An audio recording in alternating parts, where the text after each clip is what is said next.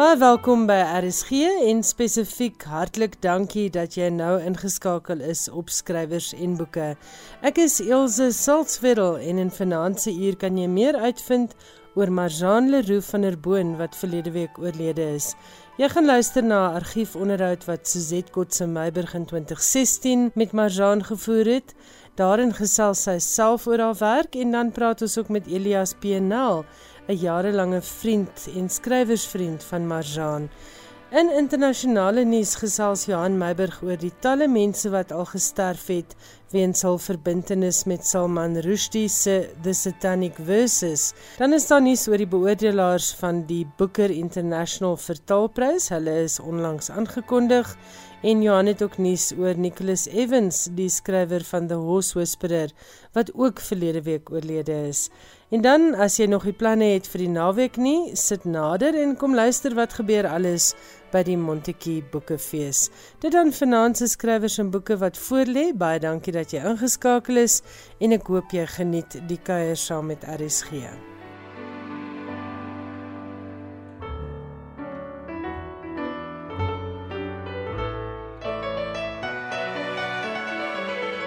Eerste aan die beurt Johan Meiburg en in hierdie bydra praat hy oor die talle mense wat al vermoor of ernstig beseer is weens hulle verbintenis met Salman Rushdie se The Satanic Verses. Johan vra ook 'n belangrike vraag of twee oor die kwessie van vryheid van spraak en dit is iets wat almal van ons raak.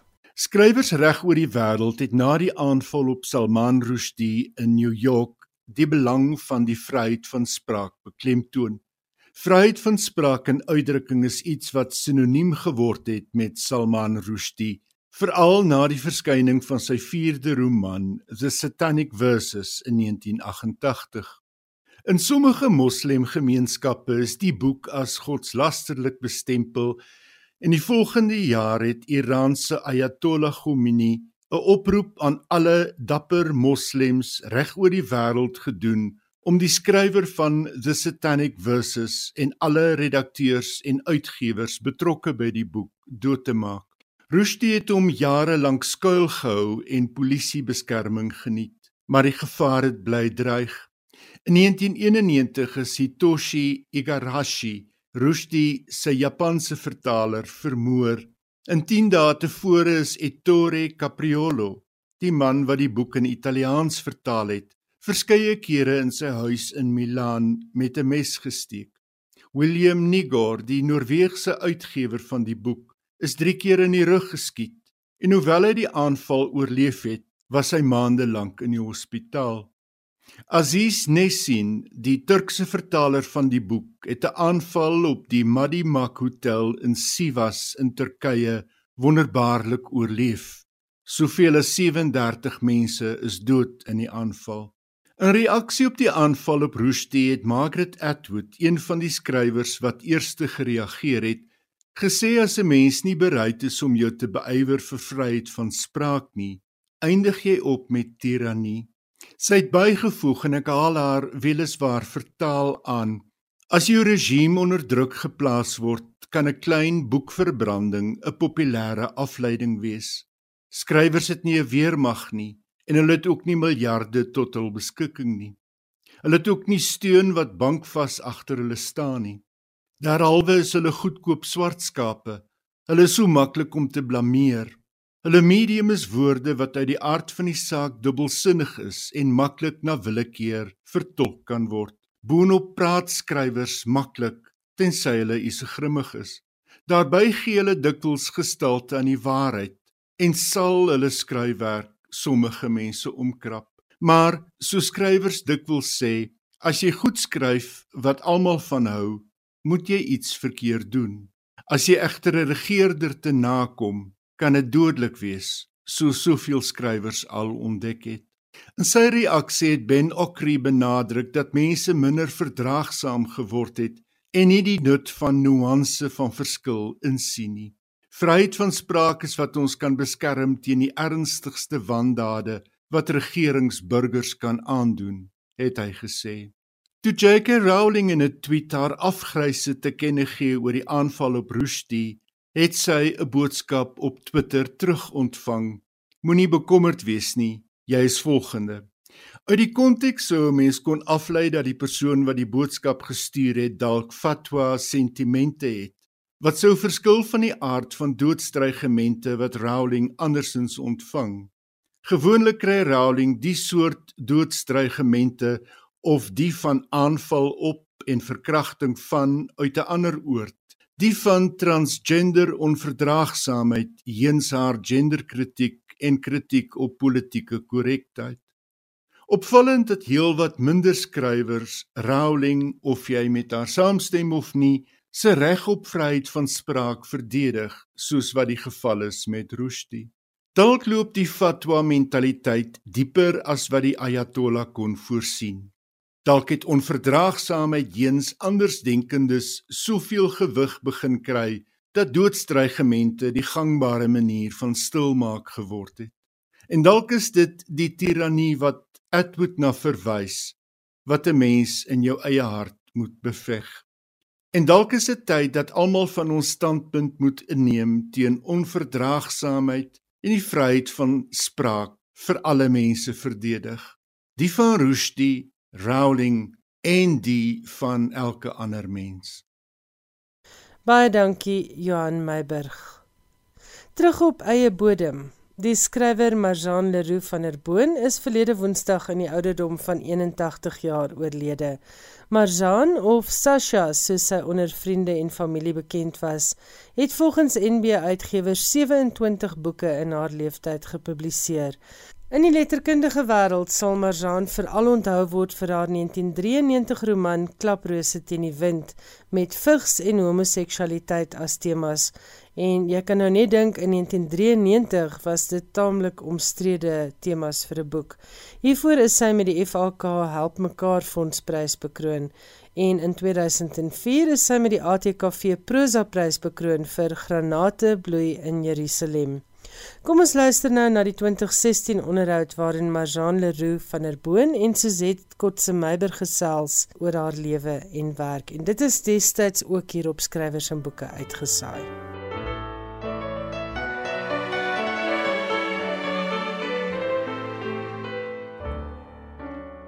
Baie welkom by ons in die ateljee Marjane.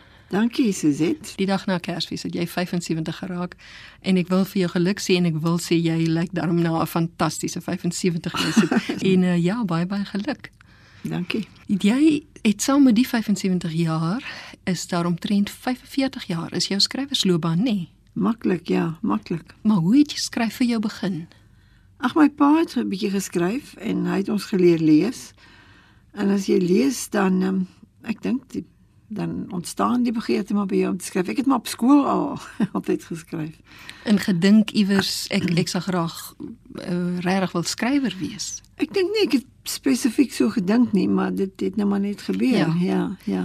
En waar kry jy altyd jou temas om oor te skryf? Ek, ek sou sê ek dink 'n mens skryf eintlik altyd jou eie verhaal. Dit is nie sigbaar daarin nie, maar dis altyd maar dinge wat of met jou gebeur het of wat jy raak gesien het, wat jou aangeraak het en wat rondom jou aangaan, wat jou aangryp. Ek dink dit is maar in my geval waaroor ek skryf. En hoe pak jy 'n boek aan?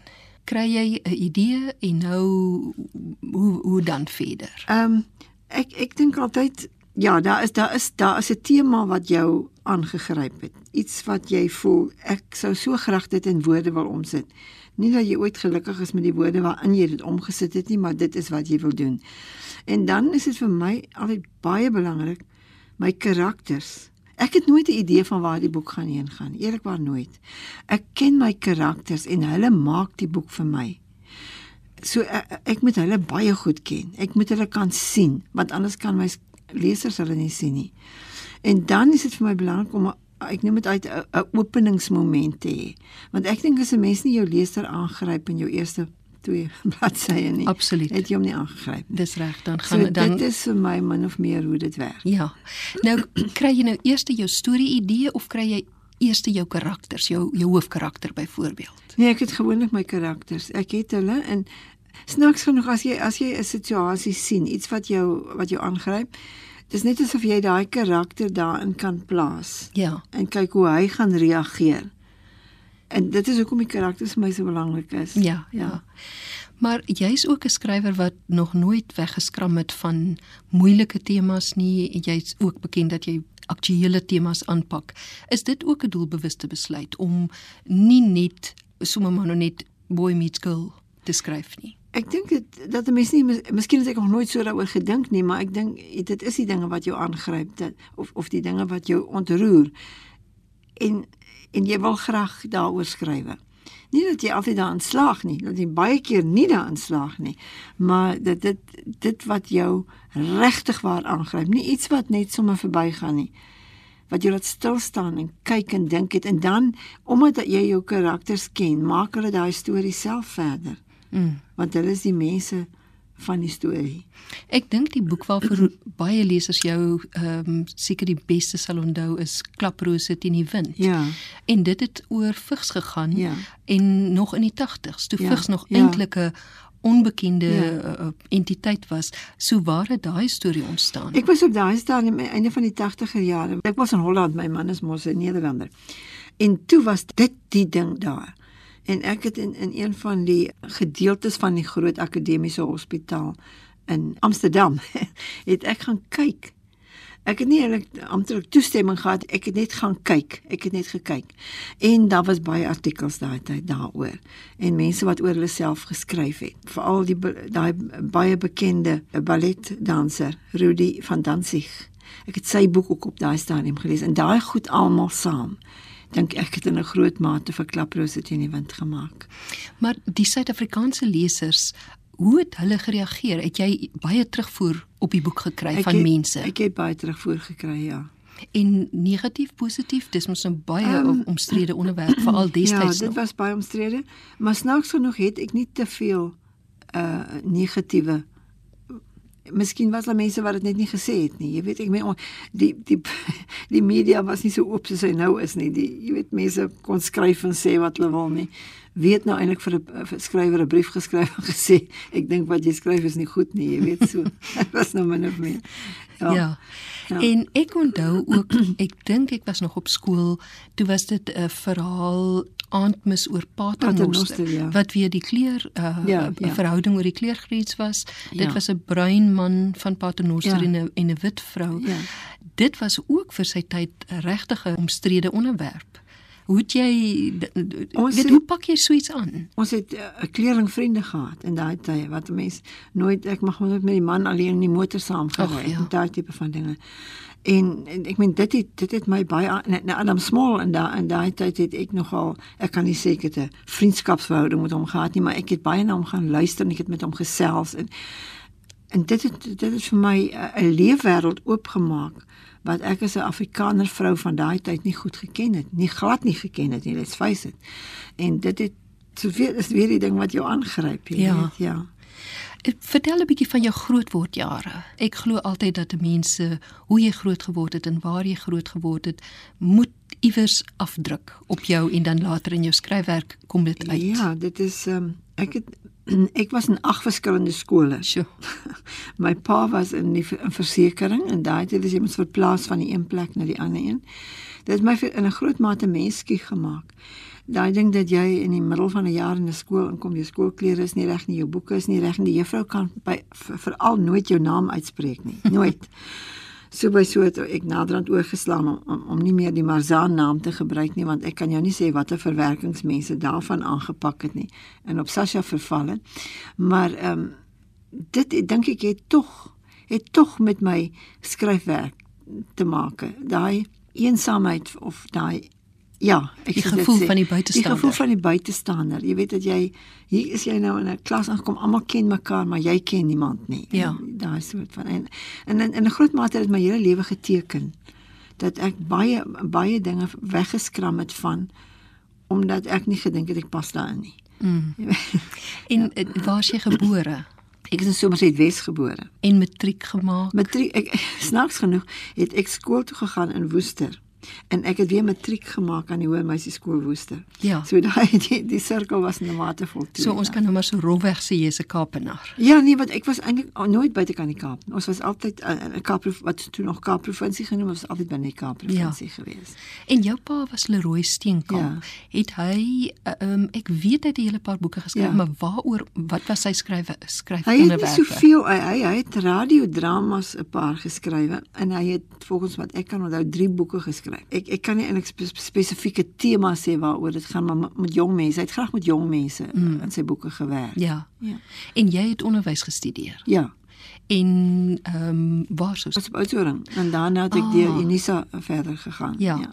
En toe jy by die Rudolf Steiner ja, Waldorf skool. skool, skool maar was, nee nee daar nie. Ja. Dit is geskei anders kom maar daar sou ek die laaste jare skool gegaan, mm, ja. Dis 'n baie ander tipe ja, van ja. omgewing. Ja. Het dit ook uh, jou skryfwerk ja. beïnvloed? Ja. Ek dink nou aan die boek Luke and Libertine wat ja. ek nog mee gewerk het. Wat spesifiek uit daai uit daai skool ontstaan het en uit die leerders wat ek daar gehad het. Ek, nee, die twee hoofkarakters karakters in daai boek was in my matriekklas gewees. Ek het hulle nou 'n bietjie verbloem, maar ja. Dit gaan eintlik maar altyd met my so. Ek gebruik eintlik karakters wat ek ken totdat hulle hulle eie mense geword het want ek moet weet hoe 'n ou praat hoe hy sy hande gebruik hoe hy sy liggaamstaal is hoe hy sal reageer op iets ek is nie fisiek goed met iets in die lig uitskep ja.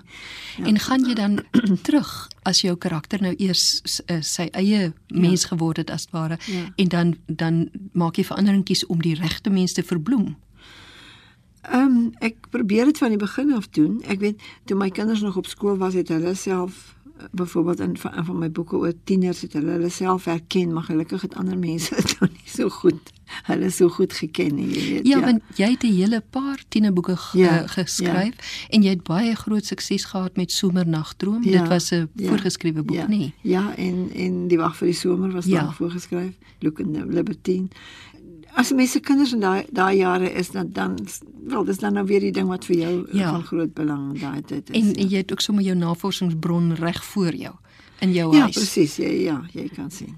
Jou kinders hoe het hulle gereageer daarop dat jy nou die skrywer ma is? En ek het nie te veel probleme met hulle daaroor gehad nie. Ek het wel toe byvoorbeeld Antmis oor paternosters verskyn het, het van die onderwysers minder mooi opmerkings te oor my seun gemaak. Wat toe in standaard 9 en 10 daar in wat graad 11 en 12 daar rond was. Dit is ongeveer ja, was dit vir hom baie moeilik? Later jare het hy vir my gesê ja, hy het nogal 'n gek gevoel, maar hy het nie te te veel daaroor gesê mm. nie.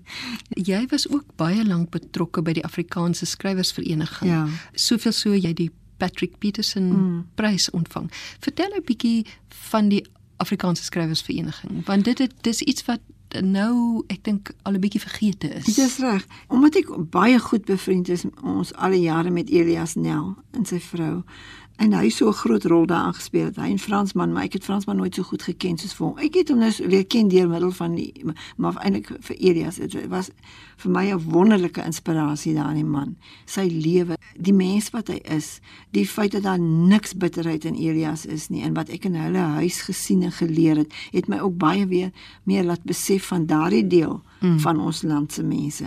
Ja, ons het ons het regtig baie hard probeer om 'n om 'n skrywersvereniging te stig, maar dit het nooit nooit regtig baie goed gegaan met ons nie. Mm. Finansieel en so aan het 'n mens maar ons het wel hulp gekry uit uit Holland uit.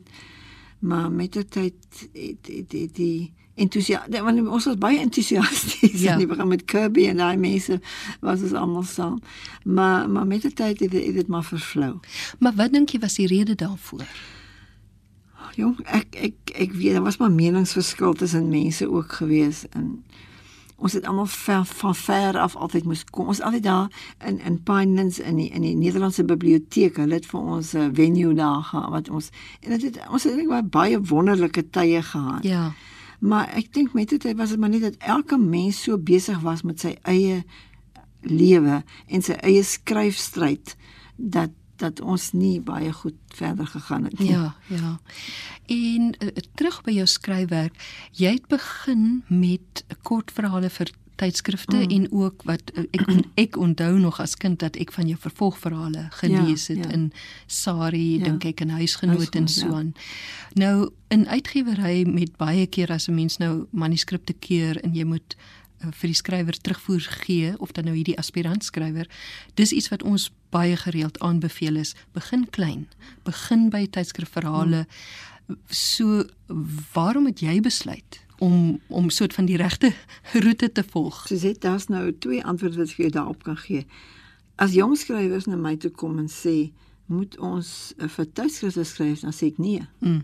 Want as jy eenmaal daai etiket het van 'n tydskrifskrywer, verloor jy hom nie weer nie. Nie in Suid-Afrika met sy oë wat kyk op letterkunde nie, nie weer nie.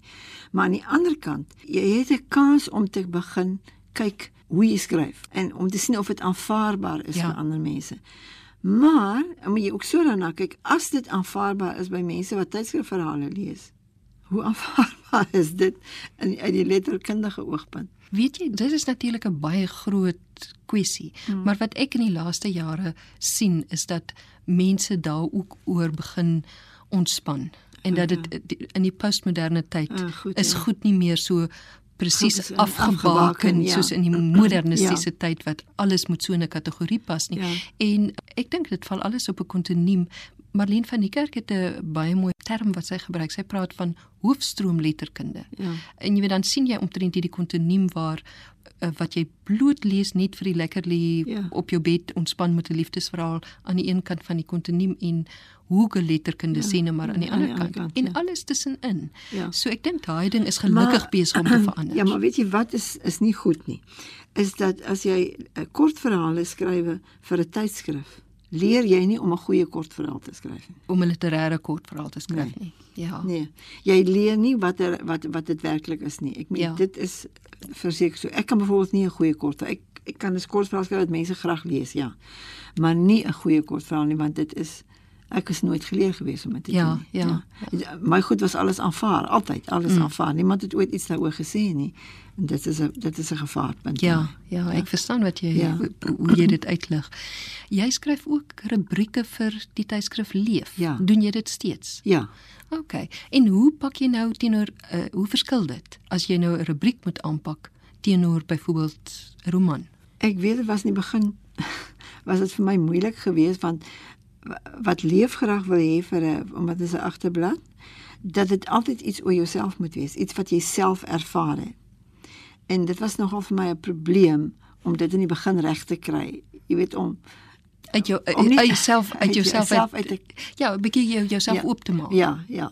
Want ek dit is nou, ek meen dis nou meer as 10 jaar wat ek dit skryf en ek kry so dikwels mense wat vir my sê o, hulle onthou van my dogter en hulle weet van my seun, hulle weet van my kleindogter en dink ek ja. maar dis nou maar soos dit is jy weet. Hoe gaan dit met die en ja, is dit 'n man jou hond en jou kat. Maar dit is nogal 'n ding. En weer eens is dit dat jy regtig nie eintlik leer om 'n goeie essay te skryf nie. Ja, ja. Ja dit is jy weet dit is daai ding van van vir watter gehoor skryf jy ja, en en ja, dit is ja. alles altyd ingewikkelde sake. Ja. Pryse het jy ook al 'n hele paar van gekry. Ek oh. dink nou jy het gekry die ATKV prys vir klaprose. Ja, nee. Nee, nee. Granate in ja, Jerusalem. Nee, ja, en jy het ook die FAK prys ja. van wat destyds nog ja. gekry eh, en sovoorts. Wat 'n verskil maak 'n prys? Weet jy, 'n mens kan jy kan nou nie oneerlik wees en sê 'n prys, ah, ek steek my af. Nee, ek vir my af aan 'n prys. Dit is nie waar nie. Mm. Dit is nie waar nie. Die punt is jy bekyk jou eie letterkunde en jy bekyk watse pryse het jy gekry en jy sê vir jouself nou, laat ek nou onthou ek is 'n middelklas skrywer. Ek is 'n middelmoot skrywer. En jy moet daarmee saamleef. Dit is so. Totdat jy besef, okay, dit is ek. Mm. Ek gaan nou maar nie daarmee saam. Ek gaan nou nie maak asof ek nou in staat is om 'n Hertzogprys of Eugene Marais of wat ook al te kry nie. Ek is 'n middelmootskrywer en ek bly daarbey. Ja, ek dink dit bly op die ou end, jy weet, Philip de Vos se versie van elke voël sing soos hy gebek is. Die probleem is is wanneer mense so verskriklike onderskeid begin maak tussen ja. beter en nie beter ja, nie ja, en so voort. Ja. In die laaste jare het jy omtrent hoofsaaklik gekonsentreer op jou Israel verhaal. Ja. Jy het nou al die 8ste ene uit. Ja. Vertel so 'n bietjie van dit. Dit is so van 'n missie vir my geword. Dit is 'n missie vir my. En ehm um, Die groot dryfveer daar agter is omdat die media so absoluut verkeerdelik oor Israel rapporteer. Oor wat daar aangaan en as jou vraag is hoekom is dit wat lê hier agter? Wat gaan regtig hier aan? En ek het gevind dat deur daai karakters te gebruik wat ek geskep het en die groei wat in hulle plaasvind uit die aard van die saak omdat hulle ouer word en omdat hulle veral hierdie hoofkarakter wat nuut uit Suid-Afrika ontdek het hy's 'n Jood en daar kom bly die stryd wat hy het met die Israelies omdat hy nie dieselfde insig gesê het dieselfde agtergrond het dit is soveel stof en daar gebeur soveel dinge in 'n jaar se tyd in Israel mm. dat jy net jou karakters daar kan ingooi ja. en hulle werk. Jy weet wat, die kinders word groter. Die die die uitdagings in Israel word groter en dit is dit dit is vir my daar's genoeg om, wat my aangryp om elke 2 jaar 'n boek te kan skryf. Ja. Daar's daardie ding van oorlewing by daardie mense. Ten alle koste as ons net ons moet oorleef. Ja. Ons is van die begin van ons bestaan af is ons vervolg. Ons moet oorleef. En en, en om te werk daarmee want daar dit gaan verkeerd ook en dit gaan reg en dit gaan verkeerd so tussen daai doolhof van emosies struggle jou karakters ja. en die wat van buite af inkom want ek het 'n swart karakter daarbey wat uit Namibië kom wat ook agtergekom het hy's eintlik 'n Ethiopië van Ethiopiese afkoms daar's soveel bron daar wat jy oor kan skryf hoe beleef hulle die, die ding ja. Watter stryd het hulle met kinders grootmaak in 'n plek waar jy altyd bedreig word. En wat word van kinders in so 'n stryd? Ja. Wat dink hulle? Hoe voel hulle? Dit is vir my ja, ek sit nog ek sit daar nog aan vas. Geen geen gebrek aan aan verhaal. Nee, nee, nou ja, ek baie van my, van skrywersvriende vir my sê maar asseblief kan jy net slag iets anders doen nie. Nee, op hierdie stadium voel ek nie om iets anders te ja. doen nie. Dis as ware jou jou tema wat jy gekies het vir hierdie tema wat ek gekies het vir ja. En uh, eintlik hierdie laaste deel van jou skrywersloop. Dit is reg, ja, ja. Baie dankie vir die heerlike gesels. Dankie Suzette. Dit was Marjane Leroux van der Boon in gesprek met Suzette Kotse Meiburg. Die gesprek kom uit 2016 se skrywers en boeke. Baie dankie ook aan Karen de Tooy van die SABC argiefdienste vir jou vinnige hulp om dit vir my op te spoor met die saamstel van hierdie program. Nou gaan Elias Nel gesels oor sy geliefde skrywersvriendin. Ek ontmoet vir Mazan Leroux van 'n boon laat 1995 en wat my van haar van die eerste oomblik af opgeval het, was haar innemendheid, haar medemenslikheid. Hoe sy baie gemaklik met jou kon kommunikeer, met jou kon omgaan al het sy jou slegs 'n paar minute van tevore ontmoet. En oor die jare het ons vriendskap gegroei en ons het ook later kollegas geword uh toe ons saam op die bestuur van die ASV, die Afrikaanse Skrywersvereniging gedien het. Ek as voorsitter en sy as die sekretaris. En daar het ek ook agtergekom hoe pligsgetrou en met hoeveel akkuraatheid en nougesetheid sy hierdie taak verrig het. Ons vriendskap het verdiep in so 'n mate dat ek en my vrou Julia gereeld by haar en Bob toe hulle nog in Bergvliet gewoon het, gaan kuier het en hulle ook baie maal hier by ons aan huis gewees het in Kraaifontein. En toe hulle afskaal en in die aftreeoord in die stad gaan woon daar teen die hange van die berg het ons ook gereeld by hulle gaan kuier. So intens was ons vriendskap dat ons nie net alle vriende leer ken het, maar ons ook al haar kinders, Verlenske en Armand en haar kleinkinders. Haar suster Wyle Estel en Leroux ontmoet en ook saam met hulle kon kuier. Ek onthou ons laaste byeenkoms uh was juis by hierdie aftreeoord waar ons op 'n Sondagmiddag saam met hulle uh, middagete gaan nuttig het en sy gereed gemaak het om die volgende dag na haar geliefde Israel te reis. Hoe sy ons baie keer genooi het, kom sien ons af op die lughawe. Ek gaan Israel toe of Bob gaan Australië toe na sy dogter toe. En nou weet ek nie of haar naam Sasha soos ons haar ook genoem het maar net Bob se naam vir haar was nie want uh, sover ek weet het haar broer en suster haar Marzaan genoem. Maar hoe dit ook al sê, sy was 'n spesiale mens. En mense sê gewoonlik baie mooi dinge wanneer iemand nie meer met jou is nie, maar in Sassa se geval was sy werklik 'n mense mens. Iemand wat nie net vir mense lief was nie, maar sy het ook 'n ongelooflike liefde vir diere gehad, katte. So lief dat toe ons op 'n jaar 'n skryfskool in die Ooskaap op Kredok moet gaan hou, dat daar hondjie Sara saam die reis meegemaak het. Sy was werklik iemand wat vir die skepping omgegee het. Ek onthou haar boekbekendstelling met die bekende Elise Parker as die spreker granate bloei in Jerusalem. En dit was Barzan Leroux van der Boot. Iemand wat deur ons lewens kom loop het en dit verryk het. En ek dink ek persoonlik is soveel ryker omdat sy ook deur my lewe kom loop het. Baie dankie Elias Nel. Van skrywers en boeke se kant af, my innige simpatie aan Marjane se familie en ook al haar baie vriende reg oor die wêreld.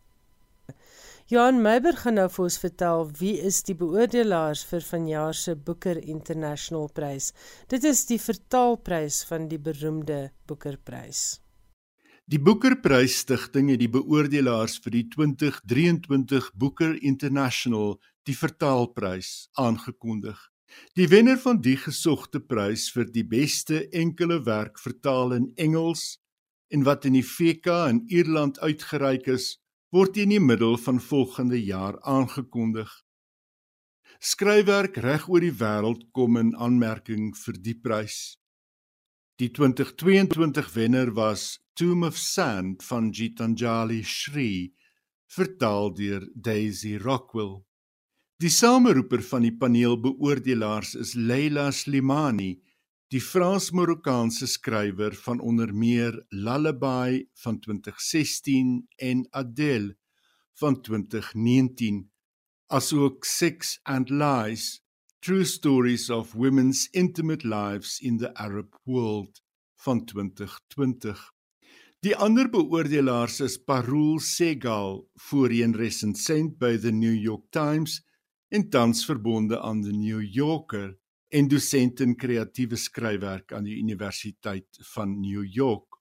William Blacker, Oekraïensgebore vertaler wat betrokke is in die Britse uitgewersbedryf, Tan Twang Eng, Maleisiese skrywer wie se debuut The Gift of Rain op die langlys van die boeker was in 2007 In wie se tweede roman The Garden of Evening Mists in 2012 op die kortlys van die boeker was en Frederick Studeman, boekeredakteur van Financial Times. Baie dankie Johan. Jy luister na skrywers en boeke op RSG. Ek gesels vanaand met Mariletta Mandi en sy is een van die organiseerders van die Montetjie Boekfees. Mariletta, goeienaand en baie welkom by Skrywers en Boeke. Goeienaand Elsje, bly om met jou te kan gesels. Dankie dat jy ons laat weet het van 'n fees daar by julle. Ek was al voorheen by die Montetjie Boekfees en ek kan vir die luisteraars sê dis 'n heerlike plek om 'n boekfees te hou. Dis 'n wonderlike dorpie en is boonop uh, maklike en kort ry afstand van Kaapstad af. So as jy nog die planne het vir eerskomende naweek nie, pakkie tasse en ry Montetjie toe. Mariletta, julle het 'n heerlike uiteenlopende program daar van films tot werkswinkels. So vertel vir ons 'n bietjie van die Montetjie Boekfees, die fees se geskiedenis en dan natuurlik die program. Ja, kyk, die Montetjie Boekfees kom nou al 'n geruime tyd aan. Hy het begin in Montetjie as die Breitenberg Boekfees en die laaste 5 jaar het het eh, die toerismekantoor dit oorgeneem en dit eenvoudig net die Montetjie Boekfees genoem. Dit was 'n wonderlike fees. Dit was elke jaar bietjie groter as die vorige vorige jaar en toe kom COVID, krap hy ons 'n bietjie de mekaar. So laas jaar het ons net enkel aanbiedings gehad oor 'n tydperk van 'n maand, maar hierdie jaar hou ons weer verseker fees van Vrydag middag af dwars deur tot Sondagmiddag en 'n um, ongelooflike heerlike program en ek dink wat so lekker is terwyl ons nou hier in die middel van vroue maand is, het ons nogal baie sterk vroue wat uh, spesifiek ook by die fees gaan wees.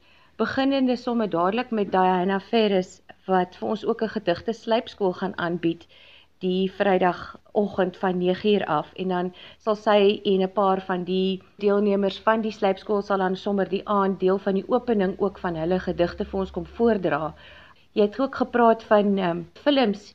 Ja, ons is so geëerd om hier in Montetjie vir Tony Lawrence te hê wat dan nou die skrywer is van al die rotsklim boeke daar buite en hy is nou juis besig om sy heel nuutste ene Montetjie Rock bekend te stel en hy gebruik dan nou ook die boekefees as die platform vir 'n bekendstelling. So hy is dan ook sommer ons eerste spreker daai Vrydag 5uur dan loop hy vir ons 'n bietjie verder vooruit op die Saterdag aand met vier wonderlike rotsklim films ook. Dan is daar 'n baie interessante kuns en of 'n kunstenaar en skrywersbespreking oor kunstenaars ja. versus politici. Wie het ons die nodigste? Dis 'n paneelbespreking en dis altyd die beste manier om 'n fees af te skop. Jy jy kry 'n lekker onderwerp en sit 'n klomp uh baie geleerde mense bymekaar en hierdie keer het ons het ons sommer vir Willie Bester waarop ons baie trots as 'n boerling van Montetjie is. Ons het vir Diana Ferris, ons het vir Kirby van der Merwe en ons het Janie Hannepoort van Tonder, ook 'n 'n Montetjie boerling. En en dis 'n baie interessante onderwerp van het ons kunstenaars meer nodig as as politici. En as jy terugkyk na al hierdie mense se rol wat hulle gespeel het um, met hulle kuns, het hulle definitief groot verskywings gemaak in ons land se politiek en ons land se manier van dinge doen. En ek dink dit is baie relevant om 'n slag terug te kyk en te, en te kyk het ons nie eintlik kunstenaars meer nodig as wat ons politici het nie. So ek verseker dit gaan 'n interessante onderwerp wees en 'n baie interessante bespreking. Saterdag lyk vir my na 'n groot boekedag. Ja, Saterdag is sommer so al om die uur is daar 'n bespreking. En dit is regtig weer eens uiteenlopend. Ons begin met Hester van der Walt van McGregor wat wonderlike boeke geskryf het oor broodbak. En haar onderwerp dan ook is menskry brood en brood met hoofletters.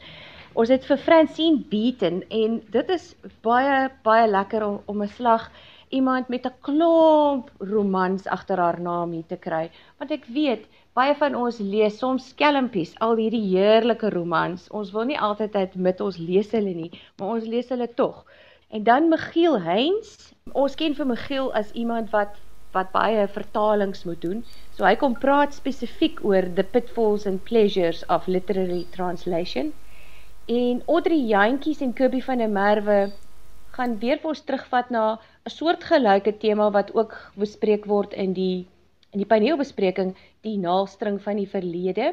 En dan is ons baie lief om Anneke Miller redelik gereeld terug te verwelkom in Mondetjie. Sy was al voorheen hier saam met ons om spesifiek oor haar kookboeke en die lief en leed van kookboeke uitgee te praat.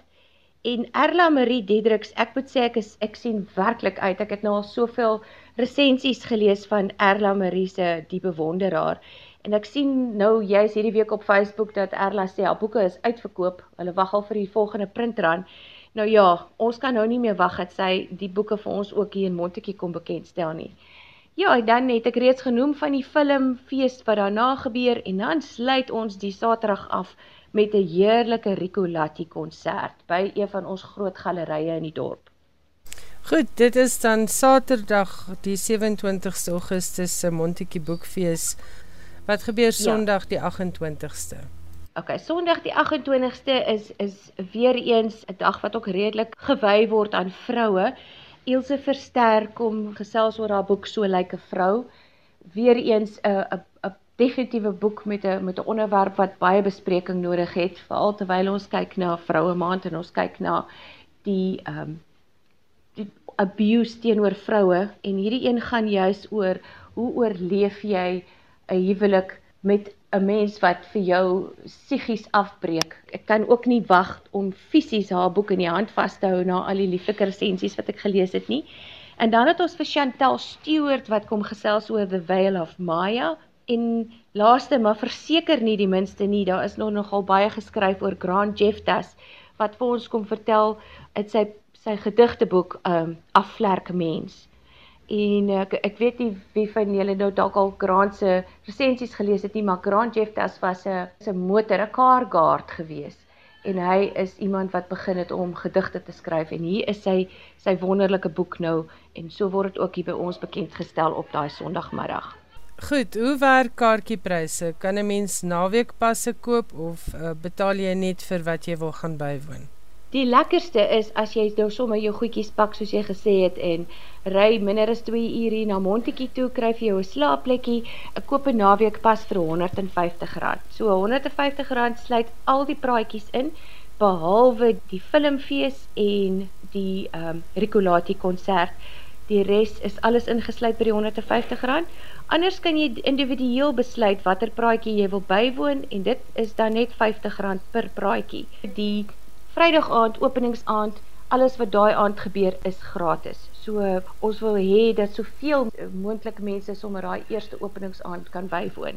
Waar kan mense bespreek vir verblyf? Ek weet Montetjie het baie verblyf. Ja, kyk ons het baie kampeerplekke, ons het um, die hotelle, ons het gastehuise, ons het baie self-catering, heerlike plaas self-catering. So jy kan 'n wonderlike naweek daarvan maak. Um, jou vuur gaan maak in die aand as die fees eers 'n bietjie bietjie stiller word en 'n bietjie muskedel drink.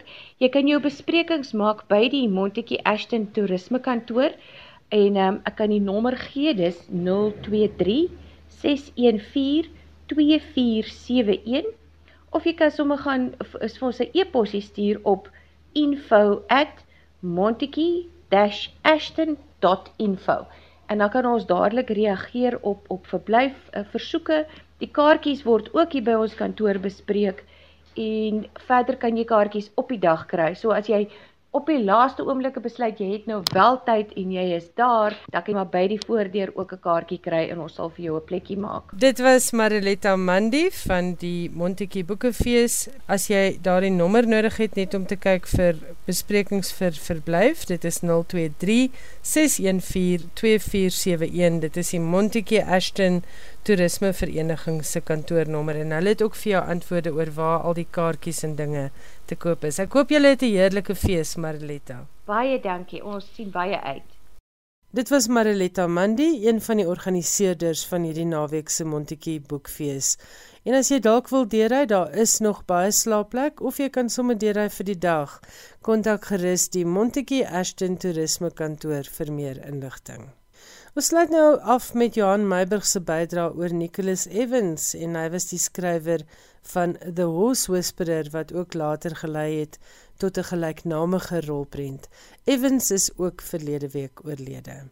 Nicholas Evans, die Britse skrywer wat bekend is veral vir sy debuutroman The Horse Whisperer, is onlangs dood. Hy was 72. Kort nadat The Horse Whisperer in 1995 verskyn het, het dit louwarm resensies gekry, onder meer ook in The New York Times. Lesers het egter anders oor die boek geoordeel en dit het gou 'n topverkoper geword. Meer as 15 miljoen eksemplare is in die FSA alleen verkoop en die boek was daardie jaar in die 10de posisie op die Amerikaanse topverkoperlys. Maar die sukses trek verder terug toe die boek nog in manuskripvorm was. Evans het die manuskrip vir sy agent gegee wat daarmee na die 1994 Frankfurt Boekeskou is en waar die manuskrip onmiddellik belangstelling getrek het. Dell het die Amerikaanse regte vir iets soos 3,15 miljoen dollar opgeraap. Bantam het die regte vir die Verenigde Koninkryk vir meer as 'n half miljoen dollar bekom en vertaalregte in Duitsland en Italië was nog 'n miljoen dollar werd. En toe verkry Robert Redford die rolprentregte vir nog 3 miljoen dollar. Evans het die boek begin skryf na aanleiding van 'n storie wat hy gehoor het by 'n grofsmid in Devon oor iemand wat die gawe gehad het om met perde te kommunikeer. Vandaar die titel van die boek. Hy's na die FSA om navorsing te doen omdat hy geglo het die verhaal moet in die Wille Weste van die FSA geplaas word. As jy dit in Brittanje plaas, verloor die storie iets, het hy gemeen, dan word dit parochiaal. Na The Horse Whisperer het nog 4 romans gevolg: The Loop in 1998, The Smoke Jumper in 2002, The Divide in 2005 en The Brave in 2010. Voor sy sukses as skrywer het Nicholas Evans as vervaardiger van kunsprogramme vir TV gewerk en profile gemaak oor mense soos Patricia Highsmith, John le Carré, Laurence Olivier, Francis Bacon en die regisseur David Lean. Dit was Lean wat die saadjie vir kreatiewe skryfwerk by Evans geplant het. Baie dankie Johan Meiburg. Nou ja, dis ongelukkig al vir finansies skrywers en boeke, maar volgende Woensdag aand is ons weer terug en dan kan jy uitsien na 'n heerlike onderhoud met Tinus Leroux oor sy baie interessante boek Die Anglo-Boereoorlog in kleur. En of jy nou van die Anglo-Boereoorlog gehou het of nie of dit een van jou belangstellings is, ek stel voor jy luister in elk geval want Tinus het fascinerende feite oor die geskiedenis van fotografie wat hy ook met ons in hierdie gesprek gaan deel. Dit dan Tinus Leroux volgende Woensdag aand in Skrywers en Boeke. Baie dankie vir jou by die huis wat vanaand weer saam met ons die wêreld van skrywers en boeke verken het.